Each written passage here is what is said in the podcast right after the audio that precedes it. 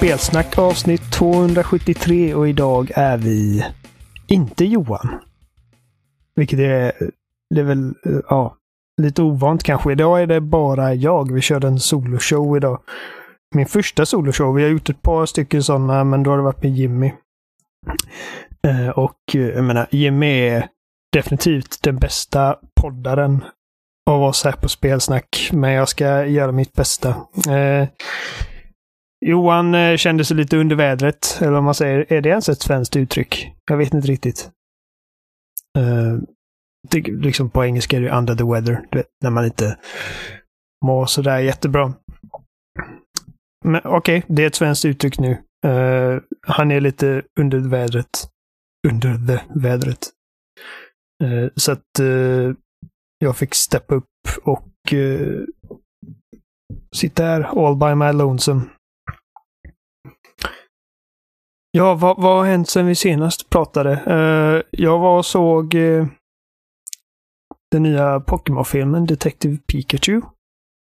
Så den tänkte jag prata om lite grann. Uh, ja, ingenting av det jag har att säga om filmen har egentligen någonting med spoilers eller liksom, jag behöver liksom inte gå in så mycket på vad som händer i filmen. Så att är ni oroliga för spoilers behöver ni inte vara det, utan jag kommer prata mer generellt om um, hur de har gjort för att filmatisera det här varumärket och vad det är som gör att det fungerar och också vad de hade kunnat göra för att göra det ännu bättre. Um, I min åsikt, givetvis. Men eh, först innan vi kommer dit så hade jag tänkt att eh, vi skulle prata lite om uh, Rage 2. Så när, när jag spelar in detta, det är nu, klockan är 12.25 uh, eh, på tisdag, den 14 maj. Spelet släpptes idag, men jag har uh, spelat, jag började spela redan vid midnatt. Så jag har några timmar under bältet. Uh, inte jättemånga, medges. Men jag tänkte att eh, det vore synd att behöva vänta en hel vecka innan jag säger ett ord om det spelet. Eh, för att det är det första spelet på eh, ett par månader nu tror jag som, som jag faktiskt har skaffat. Um, ja, jag tror att när jag tittar på min spelkalender här så är det senaste storspelet jag köpte var nog eh, Sekiro, Shadows Die Twice. Uh, och jag eh, kom ju två... Nej. Days Gone var i april. För jag för mig att jag, jag satt upp liksom Days Gone i april på spel att hålla koll på och eh, Rage 2 i maj. Uh, och som ni hörde förra veckan så bestämde jag mig för att vänta lite med Days Gone. Och hoppades istället på att Rage 2 skulle bli någonting det är utvecklat av... Eh, jag tror att primära utvecklingen har nog, eh, har nog gått av eh, här i Sverige. På, hos Avalanche, som givetvis är mest kända för, för Just Cause-serien. Men även eh, Mad Max-spelet som kom... När var det? 2015 tror jag. Det släpptes väl samma vecka. Om det inte, om det inte var samma dag som Metal Gear Solid 5 Phantom Pain. Vilket, alltså... Ja, det var väl kanske inte bästa tajmingen för det spelet att släppas. Nu sådär i hindsight. För det spelet är grymt underskattat, tycker jag. Um, det tillhör ju liksom inte toppskiktet på eh, bästa liksom typ, AAA Open World-spel den här generationen, men det är definitivt ett av de spelen som jag känner inte riktigt fick den uppmärksamhet som det förtjänade.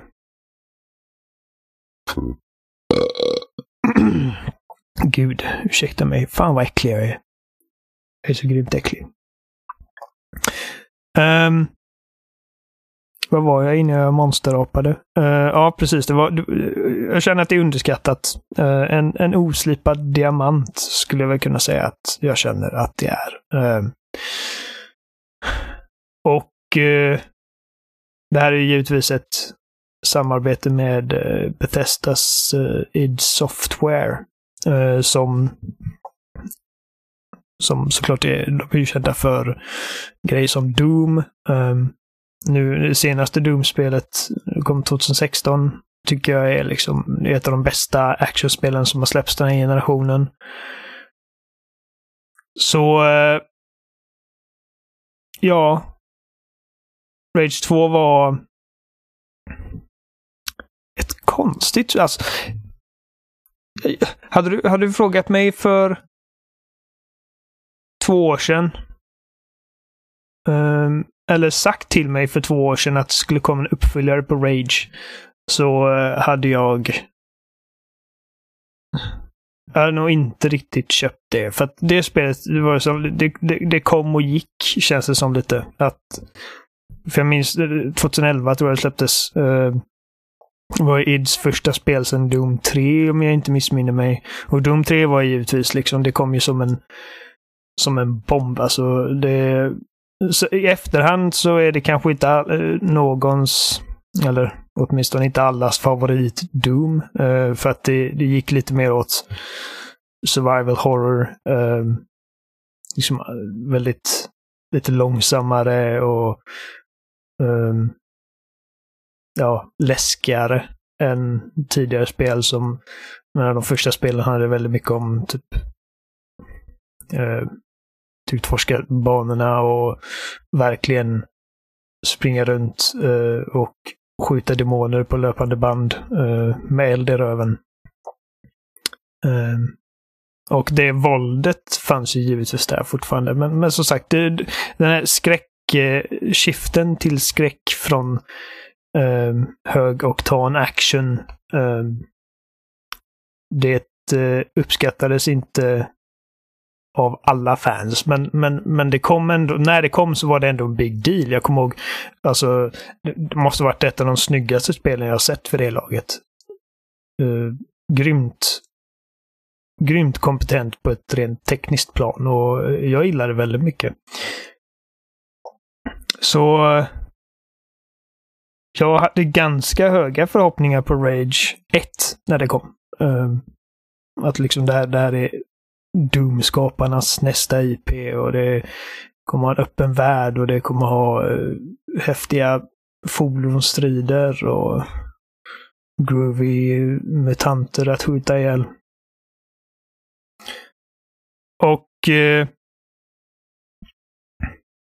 det var helt okej okay, känner jag väl. Det, jag, jag var inte världens största fan av det. Jag tycker att första halvan, eller åtminstone första tredjedelen kanske, är, var riktigt stark. Jag gillade, jag gillade designen på världen och eh, vapnen. Jag gillade hur skitigt allt kändes. Um, att, att vapnen kändes väldigt liksom begagnade och när man uppgraderade dem så var det lite, nästan som att man liksom det var som en makeshift up, upgrading. Typ, du bara släppa på ett större magasin och liksom att du ja, gjorde det bästa av situationen. Eh, men eh, storyn var ingen vidare och eh, uppdragsdesignen var inte jättespännande kanske. Ehm, och som sagt, jag känner att spelet utvecklas inte riktigt under spelets gång på ett tillfredsställande sätt. Och slutet är ju ökänt för att vara ett enormt antiklimax. Så att eh, medans det aldrig har känts liksom omöjligt att det skulle komma en uppföljare så, så har det ändå varit så att jag känner att okej, okay, men vem, vem vem skulle vara intresserad av det liksom? Vad, finns det en marknad för det? Och här är vi idag. Jag, eh, jag vet inte riktigt hur eh, spelet kommer sälja givetvis, men det är klart för mig nu efter att ha spelat kanske en 5-6 timmar att det är ett... Det, det, det är ett bra spel. Gud vad jag rapar idag, herregud.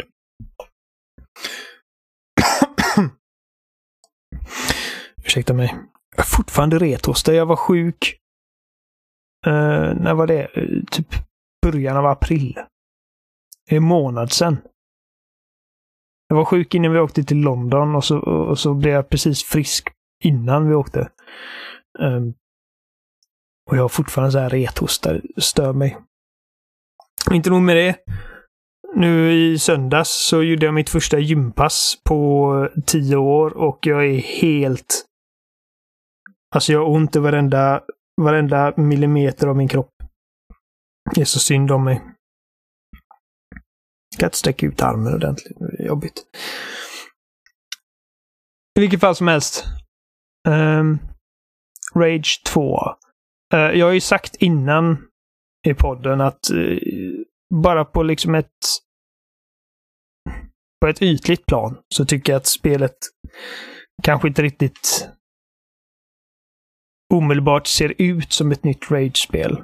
Uh, även om det är tydligare när man spelar det själv liksom och, och ser mer av en helhetsbild av spelet. Så okej, okay, där är definitivt uh, samma värld som i, som i det första spelet. Uh, men uh, vapnen känns inte riktigt lika sketna och begagnade, vilket jag saknar ärligt talat. Eh, jag tycker eh, de nya vapnen ser väldigt high-tech och moderna ut. Och det fanns ju några sådana krutpåkar även i förra spelet, men det, det känns som att de kom lite senare. Eh, när man liksom kom närmare den här stora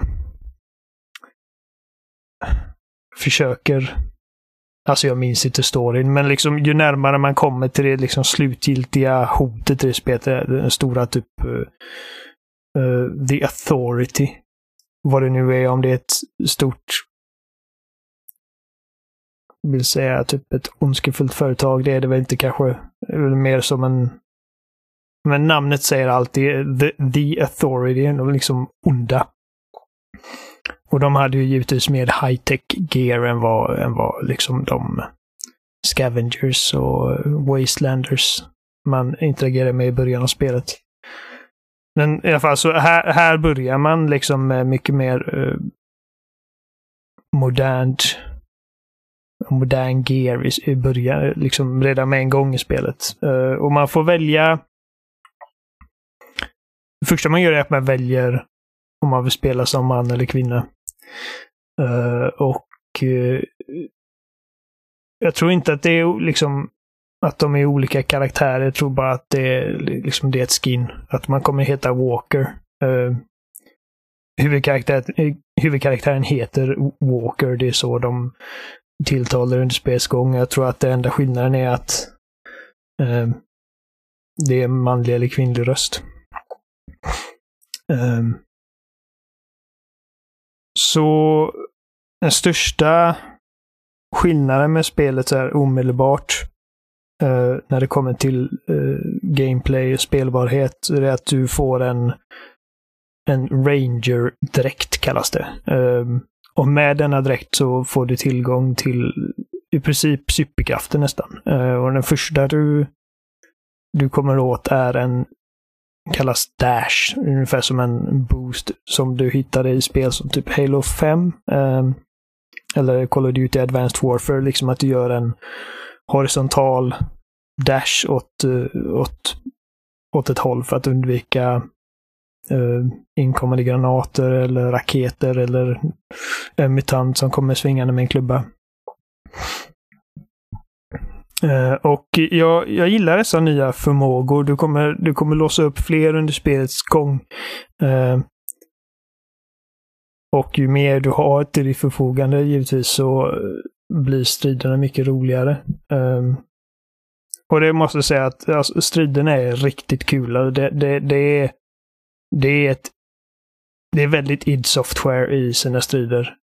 Så jag kan tänka mig att det är där som liksom deras deras arbete med spelet har liksom, det är där det mesta av deras arbete har gått in. Att se till att striderna i det här spelet känns bra och att de är roliga och dynamiska och liksom mångfacetterade. Um, ljuddesignen är riktigt härlig. Alltså, psykopaten inom mig jublar liksom när man skjuter mot en, mot en snubbes skalle och man får liksom en sån här crunchy popljud när man får ett headshot. Um, jag gillar hur vapnen känns, jag gillar hur de hanteras och uh, hur de låter. De känns väldigt liksom köttiga när man använder dem. Uh, det är synd att dessa olika abilities som spelet uh, erbjuder, att du inte har dem från början. Jag känner att spelet hade varit roligare med en gång ifall de hade introducerat de här olika förmågorna tidigare i spelet. Liksom att Kanske till och med att du har dem med en gång. Uh, för att du börjar med dashen och sen så faller det på dig då att liksom att hitta dessa uh, arcs. Det är som uh, typ futuristiska man säga, nästan som typ life pods eller vad man kallar dem. Uh, där man går in och så trycker man in armen i ett litet hål och så får du en ny ability. Och det, så det, det har jag gjort rätt mycket av, att jag liksom gått in på kartan och letat upp de här ganska tidigt i spelet för att jag vill ha liksom en uh, arsenal av abilities redan, alltså så tidigt som möjligt. Um, och jag kan tänka mig att ifall du inte gör det eh, och eh, liksom springer vidare på nästa huvudobjektiv med en gång så eh, så kommer inte striderna vara lika roliga för dig som de är för mig nu när jag har uh, flera av dessa abilities. Uh, så att en lösning på det hade väl kunnat vara att man kanske hade kunnat i dessa arcs hitta uh, resurser för att uppgradera dem. För att det kan man göra. Man kan uppgradera i princip allting i spelet. Du kan uppgradera dina vapen. Eh, och det, det handlar om grejer som ifall du vill ha Eh, du får välja antingen, okej, okay, vill jag ha mer ammunition i magasinet till det här vapnet eller vill jag kunna ladda om fortare? Eh, och sen fortsätter du så liksom ju, ju mer du uppgraderar dem. Och det gäller även dina abilities. Det kan vara sak som att uh, du kan dasha fler gånger på kort tid. Som när du börjar så har din dash en tre sekunders cooldown så att du kan göra en dash var tredje sekund. Men du kan uppgradera den så att du kan dasha varannan sekund. Um, jag gillar, jag gillar också abilityn uh, eh, kommer jag inte ihåg vad han heter, Crush eller Skitsamma, det är att man, man liksom skjuter fram handen och eh, nästan som en force push i eh, Star Wars. Liksom att man får en fiende att bara flyga åt helvete. Um, finns även en slam så att man hoppar upp i luften och liksom poundar golvet eh, och eh, gör slarvsylta av fiender som är i närheten. Um, och du kan eh, som sagt, du kan uppgradera alla dessa abilities. Du kan även uppgradera dina fordon och låsa upp nya fordon. Och, eh, så att det finns väldigt mycket att investera dina resurser i. Eh, och det känner jag är, är en av de bästa aspekterna av spelet just nu. Är att jag känner att även, även när jag gör liksom ganska banala sidoaktiviteter det finns massor av grejer du kan göra i världen. Du kör förbi någonstans och så, och så hittar du typ en enemy outpost eller whatever. Eh, eller två fordon från rivalfraktioner som har kraschat med varandra och de skjuter på varandra och så kan du komma in där och döda allting och ta alla deras resurser. Eh, så det, det är ju väldigt... Många gånger är det väldigt simpla, som, som jag sa, banala sidoaktiviteter i spelet. Men i och med att det alltid handlar om det all, allting kulminerar alltid i en strid och eh, striderna är så jävla roliga i spelet så att det stör mig inte så mycket. Och som jag skulle säga nyss var att eh, en av de mest positiva aspekterna av spelet är att jag känner att jag alltid gör framsteg. Liksom att det finns så mycket grejer att plocka upp i miljöerna. Eh, det är inte bara ammo och hälsa och liksom pengar och sådana grejer, utan även material för att eh, crafta eller uppgradera dina wingsticks. Wingsticks är de här coola bumerangerna med knivblad som du kan hugga av huvudet på folk och sen flyger den tillbaka och du kan fånga den. Um, uh, så att precis, striderna är roliga och uh, det, det känns hela tiden som att man gör framsteg. Så att de här banala sidoaktiviteterna liksom, det slut, I slutändan känns det ändå som att de har ett syfte och de um, de, de för mig vidare liksom. en grej jag hade höga förhoppningar på med det här spelet är ju då uh, fordonen. Eh, och inte bara liksom hur det känns att köra fordonen utan även fordonsstriderna. Ehm, det var, det var ganska simpelt i det förra spelet. Det kändes aldrig riktigt som att du körde liksom en tre tons monster truck, utan det kändes nästan som att du körde radiobilar för att de var väldigt lätta och liksom... Du hade inte den häften till det. Och Avalanche eh, eh, jag nämnde ju att de, de, de har gjort Mad Max. Jag tycker det absolut bästa med Mad Max är fordonen och hur de känns. Liksom att du har din, din bil som du bara gör större och större och elakare och elakare. Uh, och där är det verkligen att de här bilarna, de känns tunga. Liksom. Det är typ monster och motorerna verkligen skriker och de känns farliga och snabba och kraftfulla. Och när du kolliderar med ett eh, fordon i Mad Max så känns det verkligen. Det är liksom en enorm bara pang. Uh, det har de inte riktigt här, tyvärr. Um, nu har jag inte deltagit i några av de race som finns i, i spelet ännu.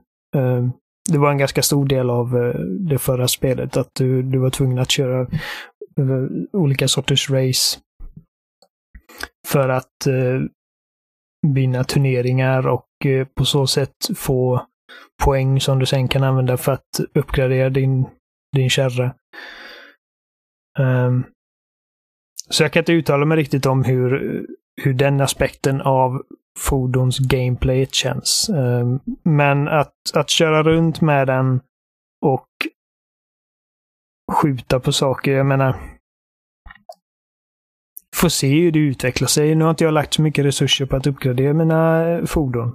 Om ens något alls. Jag menar, det, det är en bil och du har din nitro eh, som gör att du kan liksom boosta och få, eh, få högre fart. Eh, och den har monterade kulsprutor på sig. Eh, och det är i princip det. Så att jag ska nog inte uttala mig för liksom conclusive om fordonen i spelet riktigt ännu. Men eh, bara på bara till ytan så känns det inte, det känns inte riktigt lika häftigt att köra runt i, eh, i denna världen som du gjorde i Mad Max. Men alltså, det du gör mest i spelet är att du, du går runt och skjuter banditer och, och monster med coola vapen. Uh, det ska också sägas att uh, förutom dina abilities och grejer som i sin tur gör väldigt mycket för att hålla gameplayet fräscht, liksom moment to moment, så har uh, vapnen är väldigt uh, uppfinningsrika också. De flesta av dem har två olika former av um, vad ska man säga?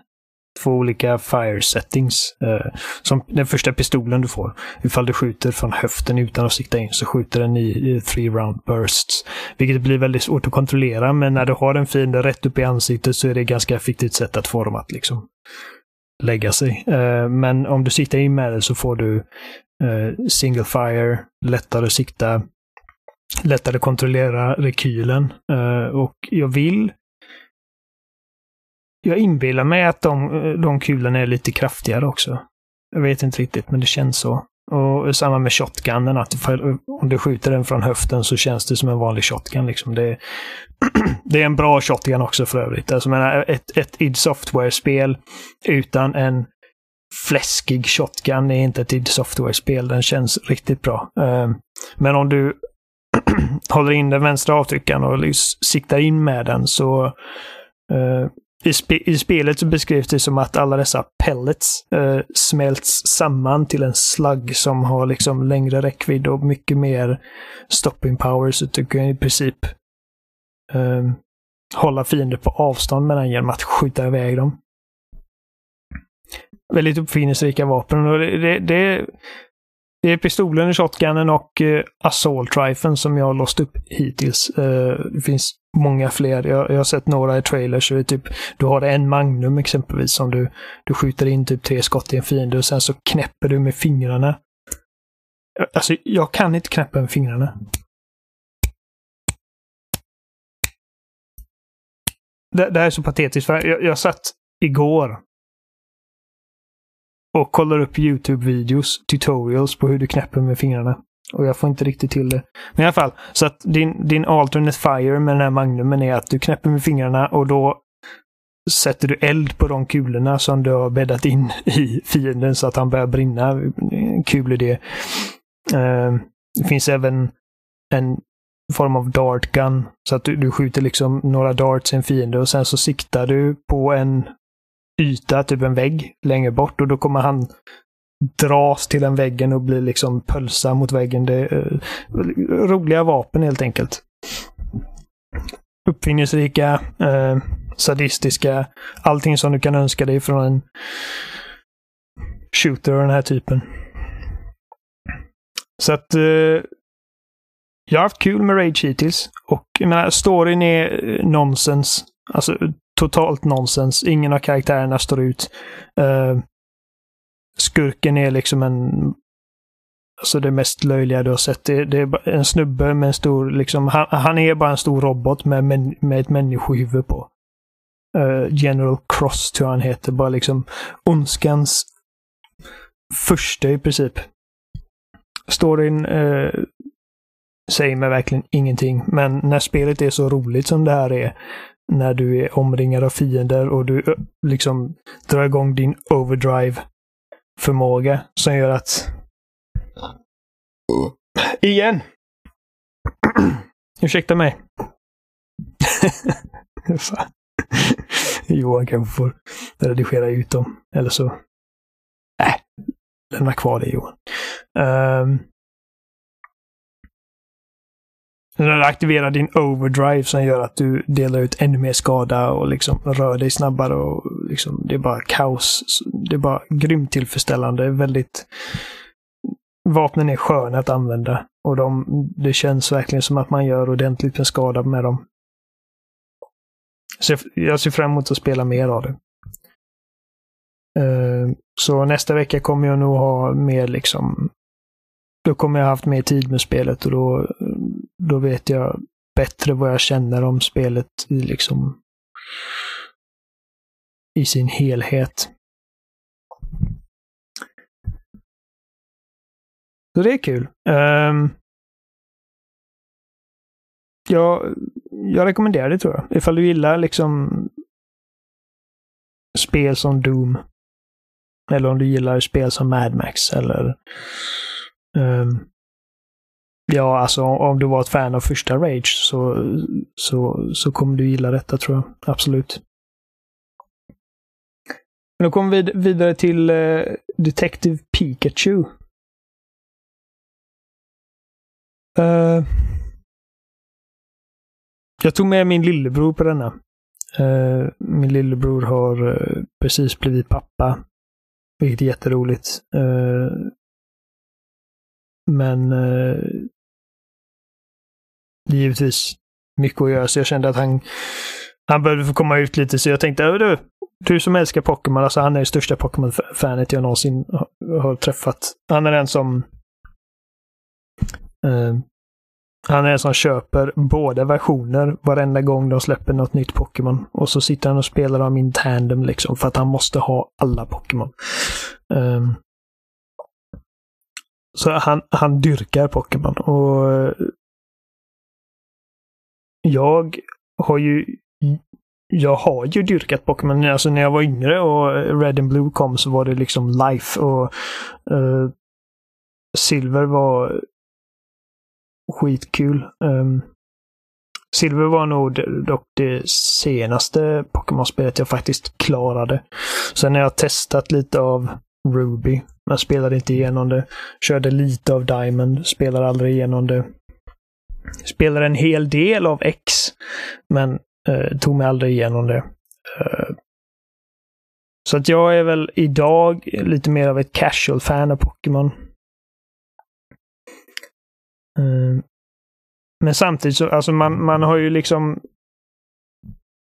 i många år föreställt sig hur en Pokémon-film skulle se ut i live action och frågat sig, alltså skulle det ens funka liksom? Hur, hur hade det sett ut?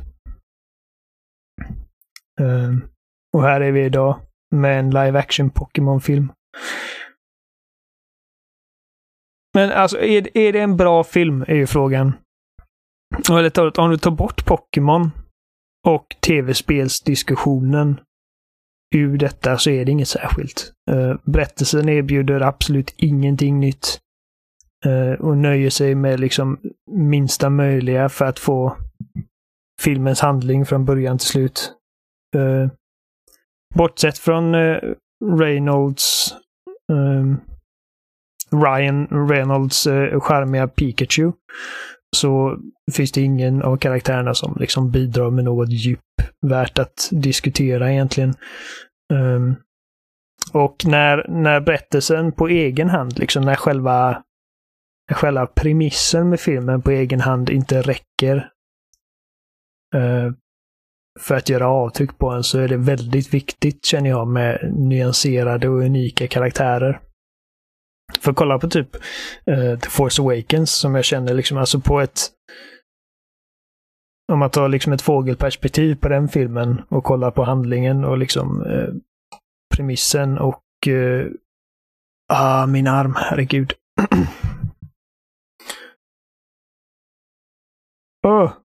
Om man kollar på Force Awakens och liksom tittar på den på eh, jag menar alltså det är gamla argument. Det är precis A New Hope igen, vilket jag tycker det är lite av en översimplifiering, men det ligger liksom, det finns ju merit i det argumentet att det, eh, handlingen inte gör jättemycket nytt. Uh, en hjälte kommer från small beginnings och reser sig för att liksom krascha imperiet. Det The Force Awakens har är fantastiska karaktärer. Och det har jag, har jag alltid sagt, liksom att det största bedriften med Force Awakens är att man går in i den filmen och vill se mer av Luke, Han och Leia, Chewie. Uh, och man går ut från filmen som fans av de nya karaktärerna och är liksom intresserad av vad de kommer ta de nya karaktärerna. Um, men Kylo Ren är som sagt alltså, min favoritkaraktär i hela sagan vid det här laget för att han är så intressant. Och... Så min poäng är att Force Awakens handlingsmässigt är inte en revolution utan det är karaktärerna med nya unika perspektiv och twists som, som verkligen tar den i hamn. Och det finns inte riktigt här. Liksom det, det, jag brydde mig inte riktigt om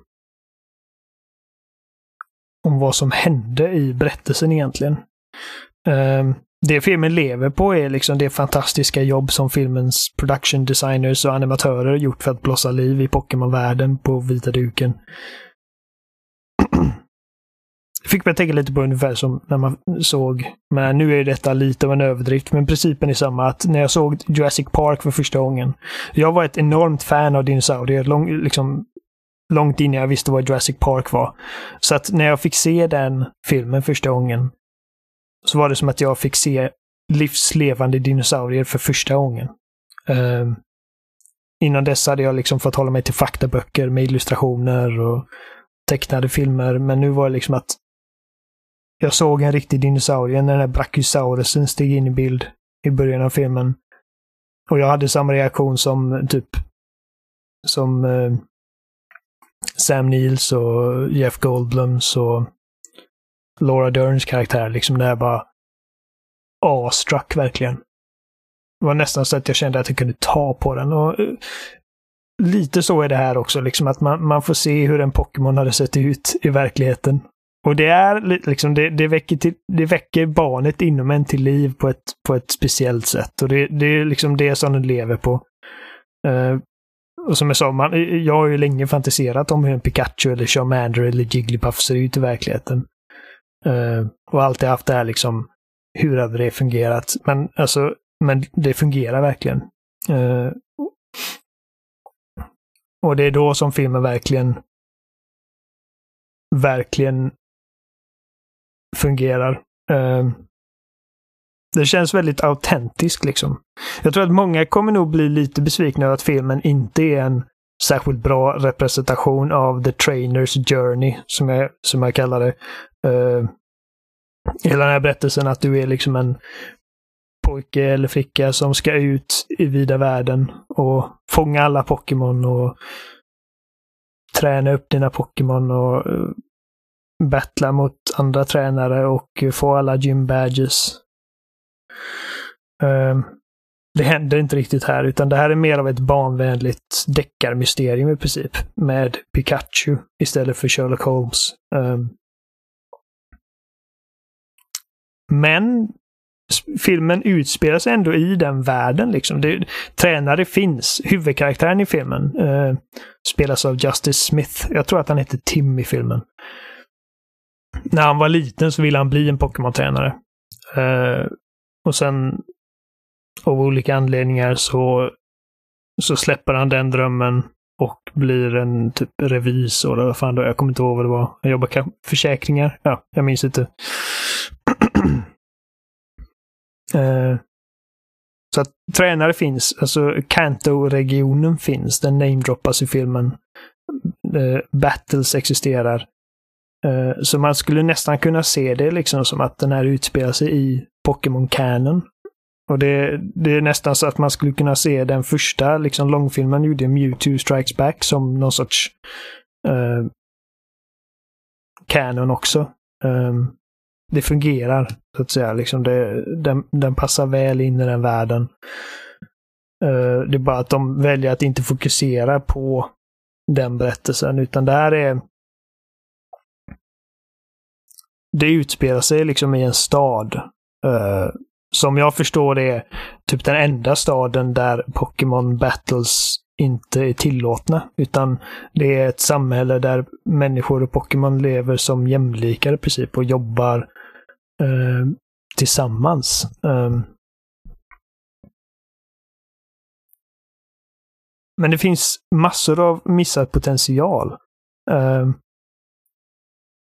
Även om filmen dryper av charm och det liksom finns en uppsjö av gulliga Pokémon som verkligen verkligen fängslar dig. Um...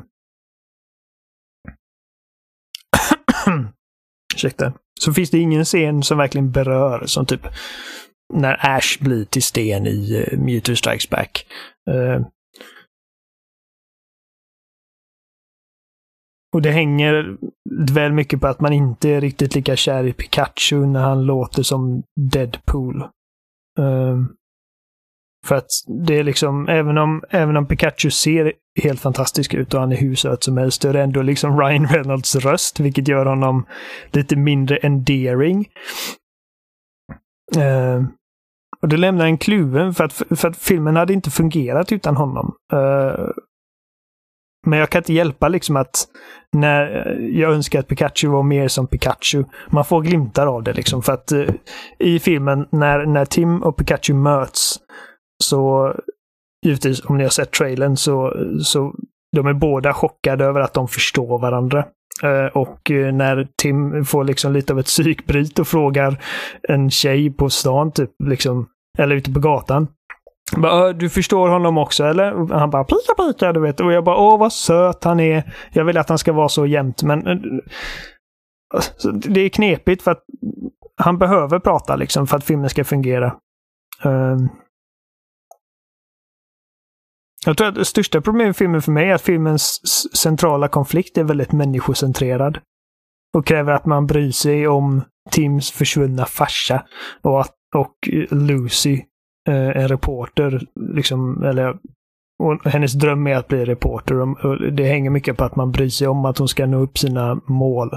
Men man bryr sig egentligen bara om eh, Pokémonsen i filmen. Så, så medan det finns ett överflöd, överflöd av underbara Pokémon nästan varje scen så har det ständigt en biroll. Det är alltid i bakgrunden. Uh, och jag känner att filmen hade behövt lägga mycket mer fokus på relationen liksom, mellan människa och Pokémon. Um, det är vad jag känner i alla fall. Um, samtidigt så är det i min mening förmodligen den mest framgångsrika spelfilmatiseringen som har gjorts hittills. Uh, men det är liksom ett tveeggat svärd där. Den är framgångsrik i avseendet att den gör ett bra jobb med att realisera en värld där Pokémon existerar. Och det är få scener där den världen får ta center stage är det liksom en Pokémon-fans våta dröm. Allting uh, allting fungerar. Vilket är mer än man kan säga om typ Silent Hill, Doom eller Tomb Raider. Um, men filmen i sig, berättelsen, skådespelet, manuset, inget av det där är mer än en axelryckning egentligen. Så det är en medelmåttig film. Men en väl över liksom godkänd spelfilmatisering. Och det alltså, hade de försökt apa efter spelen mer så är jag övertygad om att det inte hade fungerat lika väl för att liksom, det är så dåliga spelfilmer görs. Det lever på bildspråk och moment från en förla förlaga som inte ens är i samma medium. Och då, då blir det givetvis översättningsproblem. Eh, det är inte som i Tomb Raider där det förväntas sig att vi ska hoppa ur biofåtöljen när Lara tvingas överleva identiska set pieces som i spelet. Eller när hon plockar fram sin klätteryxa. Eller när The Rock hittar sin Big Fucking Gun i Doom. Eller när vi bjuds på en First Person-sekvens. Eller när Pyramid Head dyker upp i Silent Hill. Jag menar, ifall, ifall ni har spelat eh, Silent Hill 2 så förstår ni liksom att Pyramid Head är väldigt specifik väldigt specifikt för den karaktären i det spelet.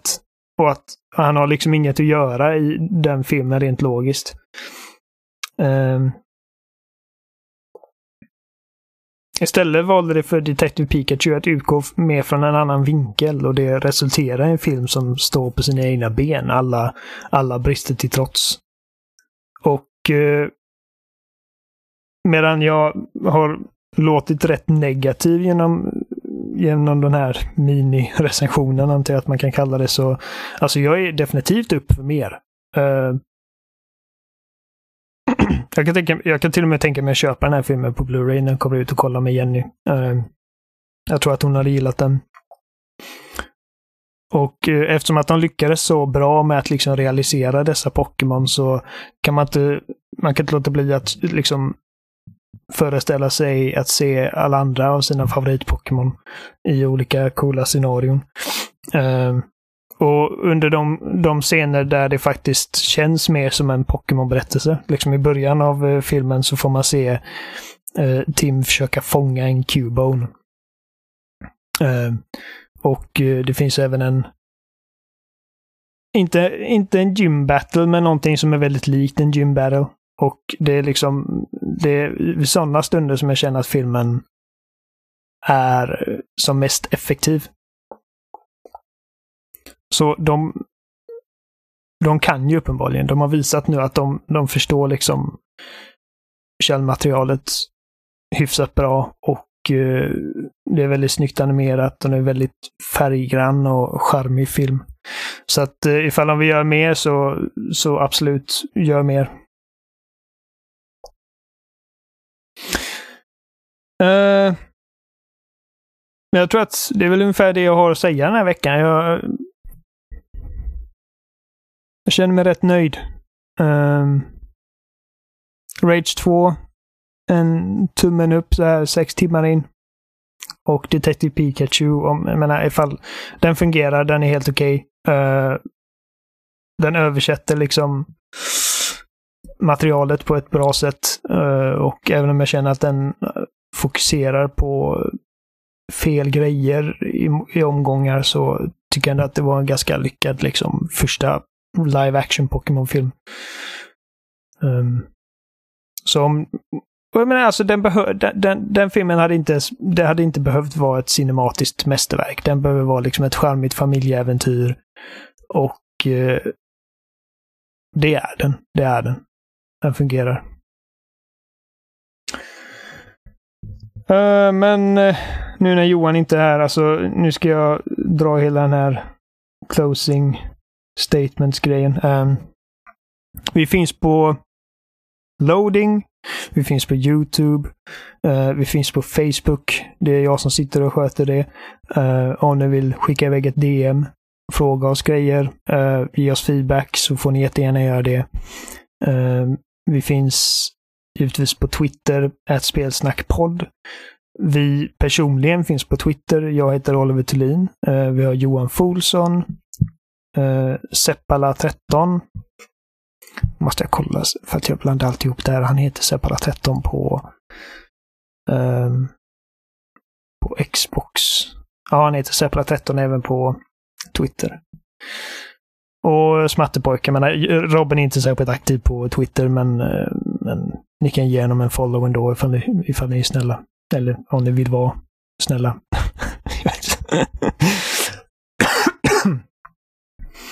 um, Tack för att ni lyssnade. Jag eh, hoppas att mitt rambling inte har varit helt incoherent och att ni kunnat följa det. Uh, jag är lite osäker själv, men jag tror det, jag tror det gick bra. Så tack så mycket. Vi, vi hörs nästa vecka.